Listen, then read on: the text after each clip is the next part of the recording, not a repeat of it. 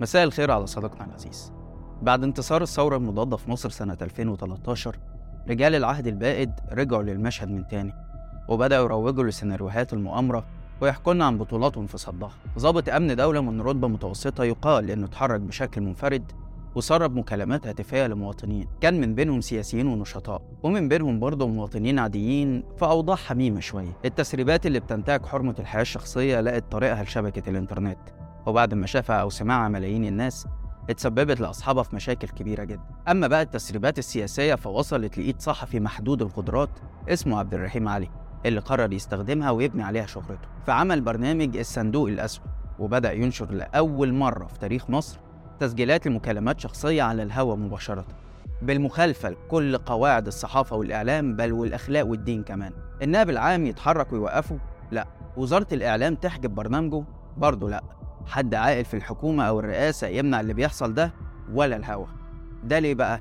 لأن ببساطة التسريبات كانت على هوا السلطة اللي بتحاول في الوقت ده تغير نظرة المصريين لثورة يناير.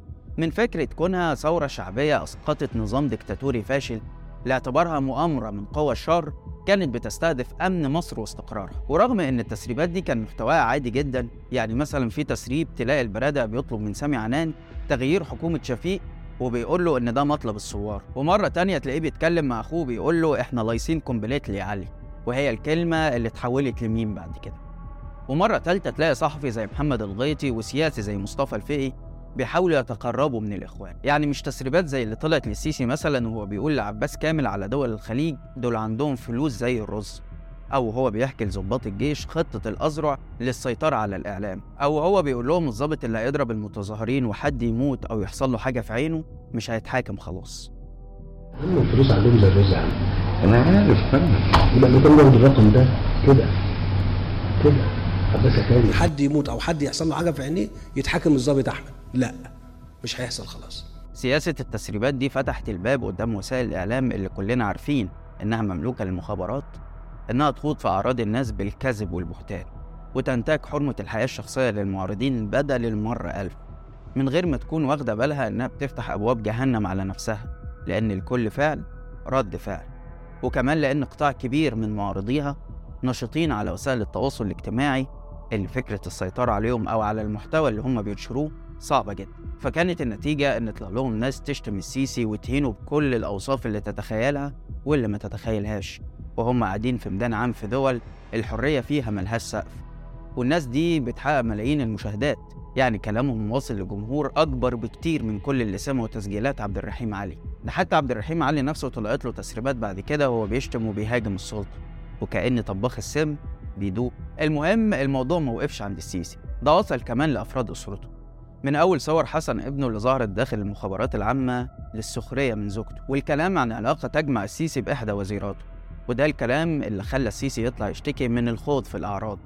ما يعرفش إن هو ونظامه اللي بدأوا الدايرة دي اللي عمرها ما هتقف عند نقطة معينة. صدقه جاريه يعني كل مسؤول في الدولة يساء ليه ويتقال فيه كلام مش مظبوط. صدقه جاريه يعني أعراض الناس يا دكتور مصطفى لما يساء ليها يعني دي هتبقى إيه؟ صدقه جاريه مؤخرا بقى ظهرت بنته آية لأول مرة في حفل زفاف بنت ملك الأردن. وشفنا التعليقات غير اللائقة اللي اتكتبت عن لبسها وطريقة تصرفاتها. بس كمان في ناس علقت على المجوهرات اللي هي لابساها وخاصة العقد الألماس اللي ناس قالت ده سعره 8 مليون جنيه وناس تانية قالت ده ما يقلش عن 30 مليون جنيه. وجابوا بقى كلام السيسي بتاع أنتوا ما تعرفوش إن إحنا فقر قوي؟ لو كنا في بلد حكومته بتحترم القانون كان طالع مسؤول وقال لنا تكلفة العقد ده كام. وهل يتفق مع الذمة المالية للسيد الوالد أو للسيد زوجها نجل اللواء خالد فودة محافظ جنوب سيناء؟ بس طبعا لأننا في مصر بنعاني من غياب المعلومات واحتقار حق المواطن في السؤال فمفيش مسؤول هيجرؤ أصلا إنه يتكلم في الموضوع ده فتكون النتيجة إنه يتساب للتقديرات والتخمينات والإساءات اللي طبعا كلنا المفروض والطبيعي والمنطقي نرفضها وندينها وننقب نفسنا عنها إيه علاقة أمن الدولة بالتسريبات؟ وإزاي حرمة الحياة الشخصية للمصريين بتنتهك كل يوم. ده اللي هنحاول نعرفه معاكم في حلقة النهاردة. أنا عبد الرحمن عمر وده برنامج الحكاية.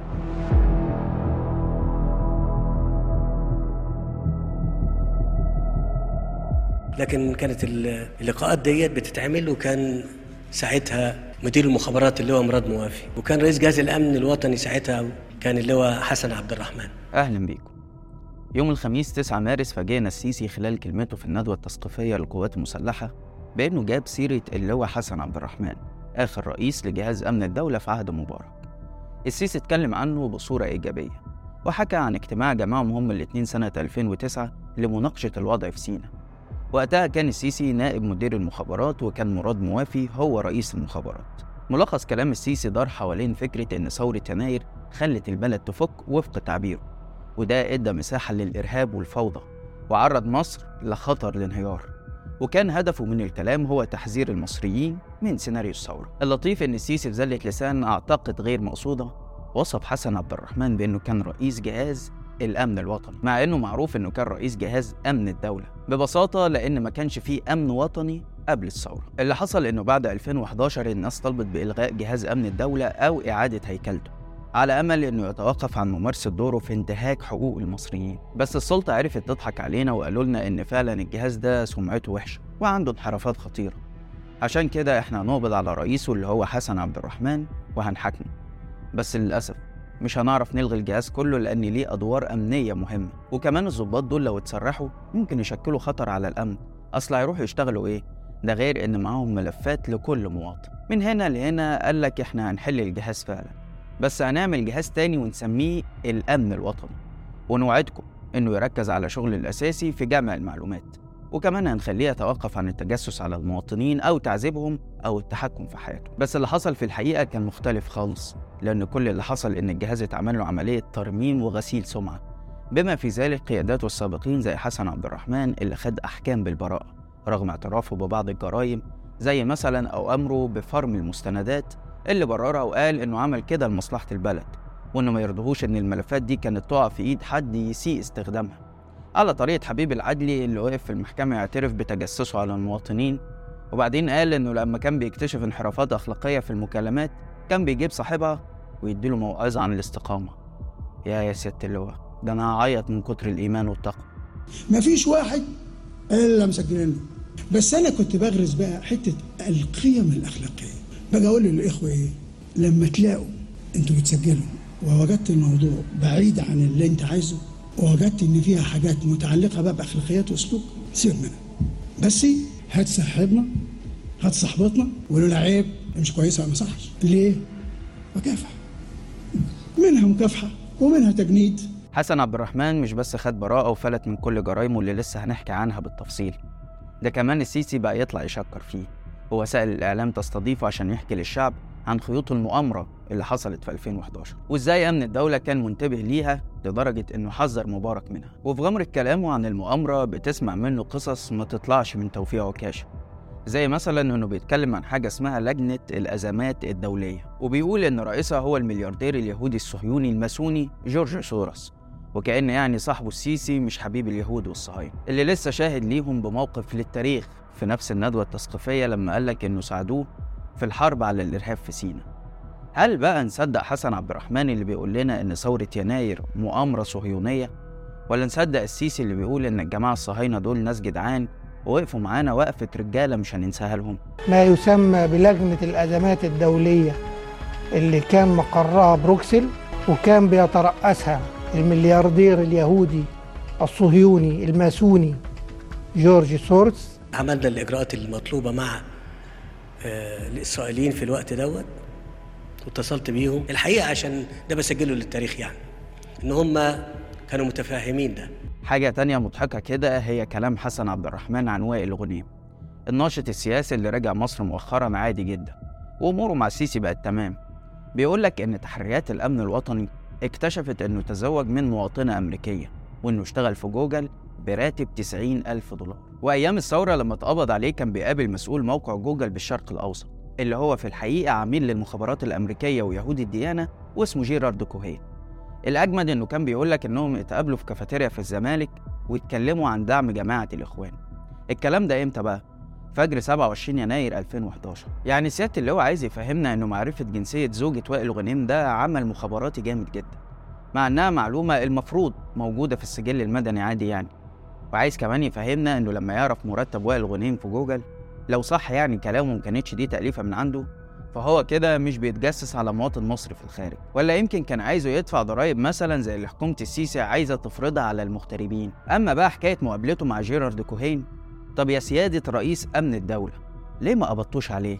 ليه ما أجهضتوش المؤامرة؟ ليه رئيسك السابق كان حبيب الأمريكان وكنز استراتيجي عند إسرائيل ورئيسك الحالي علاقته بالاتنين أحسن بكتير قوي من علاقته بشعبه وعايش على المعونات والقروض اللي بتيجي منه.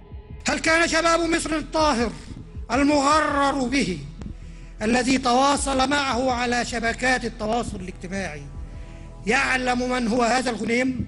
هل كانوا على علم بعمالته وانتمائه لجماعة الإخوان؟ تناقضات حسن عبد الرحمن وإبداعاته التأمرية كوم وتناقضات السيسي دي كوم تاني خالص. لأن الإعلامي الراحل وائل الإبراشي قال في شهادة مهمة جدا إن سيادة المشير عبد الفتاح السيسي نقل لمجموعة من الإعلاميين بعد الثورة حالة الضيق والغضب من قيادات الجيش تجاه أمن الدولة بسبب تجسسهم على قادة الجيش مش بس في حياتهم المهنية ده كمان في حياتهم الشخصية. الفريق السيسي وقتها وهو مدير آه، للمخابرات الحربية أطلعنا أطلعنا على نص تسجيلات الشرطة الشرطة حبيب العدلي يعني كان بيسجل للقادة العسكريين. آه، وده اللي كان يؤلم جدا أعضاء المجلس العسكري. يعني هم شوف القوات المسلحة لما يتسجل لها طب المواطن العادي يبقى يحصل له إيه يعني؟ وده اللي بيخلي ناس كتير تقول إن الجيش هو اللي دبر أو على الأقل سمح باقتحام مقرات أمن الدولة في 6 مارس 2011 بهدف كسر هيبة الجهاز وإخضاعه لحكام مصر الجدد أو المجلس العسكري في الوقت ده. بالإضافة طبعا للحصول على كل الملفات اللي تخص قادة الجيش واللي يعتقد إنها كانت بمثابة ورقة ضغط هيتم استخدامها في حال عدم موافقة الجيش على توريث جمال مبارك. وهنا لازم نقول إن السيسي نفسه أشار للكلام ده بشكل غير مباشر. ساعة لما حصلت أحداث اقتحام الأمن الوطني أو أمن الدولة في الوقت ده. الإشاعات طلعت إن الجيش مرتبها. قالوا إن الجيش خان الشرطة ودخل ال- المتظاهرين الأمن الوطني عشان ياخدوا ال- الوثائق اللي موجودة هناك ويهدروا كرامة الشرطة. حسن عبد الرحمن اللي بيتم تلميعه مؤخرا واللي يبدو من هيئته كده إنه شخص وديع وطيب عايش المصريين سنوات طويلة في رعب. من وقت تصعيده عشان يبقى نائب رئيس الجهاز سنة 2002 قبل ما يمسك الجهاز بعدها بسنتين. وده لأن مبارك اعتمد عليه في قمع معارضيه من كل التيارات الإسلامية واليسارية على وجه سواء. وكان مقدر إنه يكون ليه دور كبير في عهد الابن في حال نجح مشروع التوريث. ابحثوا مثلا عن قصة الصحفي رضا هلال نائب رئيس تحرير الأهرام اللي اختفى في أغسطس 2003 بعد ما كتب سلسلة مقالات ضد التوريث. اختفى ولم يظهر حتى الآن ومفيش أي حد في مصر يعرف إيه اللي حصل. أمن الدولة طبعا كان بيتدخل في كل حاجة في البلد من الجامعات للإعلام ومن السياسة للاقتصاد ومن الفن للثقافة. شيخ الأزهر مثلا بيحكي بعد الثورة إنه لما كان رئيس جامعة الأزهر ما كانش يقدر يعين أساتذة الجامعة غير بموافقة أمن الدولة اللي كان عندهم فيتو على بعض الأساتذة. وإنه في مرة واحدة بس قدر يعين الشيخ والداعية المعروف عبد الحي الفرماوي في كلية أصول الدين وقال لهم ده على ضمانتي أنا. مثلا ناس هتتعين وهعين معيدين. آه. آه يجيك ال ال ال ال ال ال تجيك المكاتبة بأن ده يعني في اعتراض. طبعا مش هتقدر أنك أنت آه تعينه لأن عايز تعينه حت- هتجيب له درجة من فين؟ حت آه مش هتقدر تمشيها اداريا. رجل الأعمال نجيب ساويرس برضه حكى بعد الثورة إنه كان بيلاقي ضابط أمن الدولة بيكلمه بيقول له الضيف الفلاني اللي هيظهر على قناة أون تي في ده ما يجيش. وبيقول الجهاز ده خنقنا بلا استثناء. لدرجة إننا ما بقيناش قادرين نتنفس. هذا الجهاز آه، كان حكومة كاملة موازية. أقوى. جهاز مهمته الأساسية. منع الشباب إنه يتكلم في السياسة في الجامعات. آه إن أي واحد من الإخوان المسلمين يتمسك يتنفخ نفخة ويتضرب ضرب لما وغير يتعمل اخوان وغير إخوان. وغير إخواني. أي واحد يساري 6 أي أبريل. أي واحد لن يسبح بحمد هذا النظام أمه داعيه عليه. كانت دي. مهمته كده باختصار. مين يتعين فين؟ مين يترقى أو ما يترقاش؟ هذا الجهاز خنقنا بحيث إن بقينا مش قادرين نتنفس بلا استثناء. فبصيت لقيت لي بلا استثناء قلت لها بلا استثناء. حسن بيه عبد الرحمن بقى اسمه كان ظهر في تسريبات ويكيليكس. بس ما قالوش إنه بيحذر من سيناريوهات مؤامرة ولا حاجة. أمال قالوا عنه إيه؟ قال لك الراجل ده بيتمتع بعلاقات وثيقة مع مكتب التحقيق الفيدرالي الأمريكي. وإنه في أحد الاجتماعات مع مسؤول السفارة الأمريكية في القاهرة شكرهم على الاستفادة العظيمة. اللي بيتلقاها ضباط أمن الدولة من برامج التدريب اللي بتتيحها ليهم واشنطن في أكاديمية ال FBI اللي موجودة في كوانتيكو بولاية فيرجينيا. وإن هو نفسه لما كان نائب رئيس الجهاز تلقى تدريبات هناك. يا سلام يا ولاد. أكيد كان رايح يتجسس عليهم ويحبط المؤامرة. ما هو مش معقول نكتشف إن الراجل ما صانش اللقمة الحرام اللي كلها مع الأمريكان. بس للأمانة برضه تسريبات ويكيليكس كشفت إنه عدو لمنظمات المجتمع المدني اللي بيتهمها بالوقوف وراء إثارة الشارع ضد الحكومة. وطبعا موقفه من الإخوان مش محتاج ويكيليكس بس عموما هو كان بيعتبرهم مصدر الخطر الأكبر على النظام. حسن عبد الرحمن بعد ما وصل سن المعاش سنة 2009 حبيب العدلي مد فترة عمل وفي سنة 2010 جاء قرار المد الثاني من رئيس الوزراء نفسه أحمد نظيف لغاية ما قامت الثورة اللي أطاحت بيه وقبضت الشرطة العسكرية عليه واتهمته بإتلاف جميع المستندات اللي تخص أمن مصر. بعد الثورة ظهر كمان إنه معين اتنين من ولاده بالمحسوبية. الأول هشام مستشار في مجلس الدولة. والتاني خالد عضو غرفة القاهرة التجارية. اللي زمايله طردوه قالوا إن مهمته كانت كتابة تقارير لأمن الدولة. في النهاية بقى رجعت ريما لعادتها القديمة. الأمن الوطني في عهد السيسي بقى أكثر شراسة ورعب واستعاد كل الملفات اللي كان ماسكها قبل الثورة ويمكن أكتر كمان. بنسمع دلوقتي عن مقابلات مع أساتذة الجامعة المرشحين لمناصب أكاديمية بتتم في مقرات الأمن الوطني. كمان أي معتقل بيخرج من السجن بيلزموه بمتابعة أسبوعية مع ضابط الأمن الوطني. عشان يقيم سلوكه ويشوف هل يستاهل يتحبس تاني ولا خلاص كده نسيبه في حاله. وبرضه ممكن يجربوا يشغلوه معاهم مرشد بالإكراه طبعا. وبالتأكيد التجسس على المواطنين وتسجيل المكالمات هو كمان بقى أكتر من الأول مع ظهور التقنيات الجديدة. وده بيكشف لك إن منظومة أمنية زي دي الوحيد اللي يقدر يردعها أو يعيد هيكلة دورها هو القانون. اللي في عهد السيسي يبدو كده إنه واخد أجازة طويلة شويتين. بس كده. بشكركم طبعا من كل قلبي على التعليقات والرسائل اللي بتوصلني واللي فيها تقدير للمحتوى اللي إحنا بنقدمه. شكرا على ذوقكم وزي ما قلت قبل كده إني بحاول على قدر الإمكان أرد على التعليقات وأتفاعل معاها. كمان عندي ليكم خبر حلو ومفاجأة. الأول إننا عدينا 6 مليون مشاهدة على قناة شباك وده ما كانش هيتحقق طبعا غير بيكم وبتشجيعكم. أما المفاجأة بقى فهي إننا بداية كده من شهر رمضان إن شاء الله هنقدم حلقة ثالثه للمنتسبين في القناة. الانتساب في القناة دي ميزة جديدة هوضحها في فيديو منفصل خلال الأيام المقبلة وهو باختصار نوع من تقديم الدعم البسيط ممكن تكون شفتوها عند كتير من مقدمي المحتوى على اليوتيوب. إن شاء الله نجربها سوا بداية من شهر رمضان. وكل سنة وحضراتكم طيبين. لحد هنا والحلقة خلصت. لو الحلقة عجبتك اعمل like و share واشترك في القناة عشان يوصلك كل جديد. وما تنساش إنك تقدر تسمع البرنامج بتاعنا بودكاست من الروابط اللي هتلاقيها في التعليقات. وتابعنا على حساباتنا الجديدة في الانستجرام والتيك توك. واستنانا كل يوم اثنين وجمعة الساعة 8 بالليل بتوقيت القاهرة في حلقة جديدة من برنامج إيه الحكاية. سلام. thank you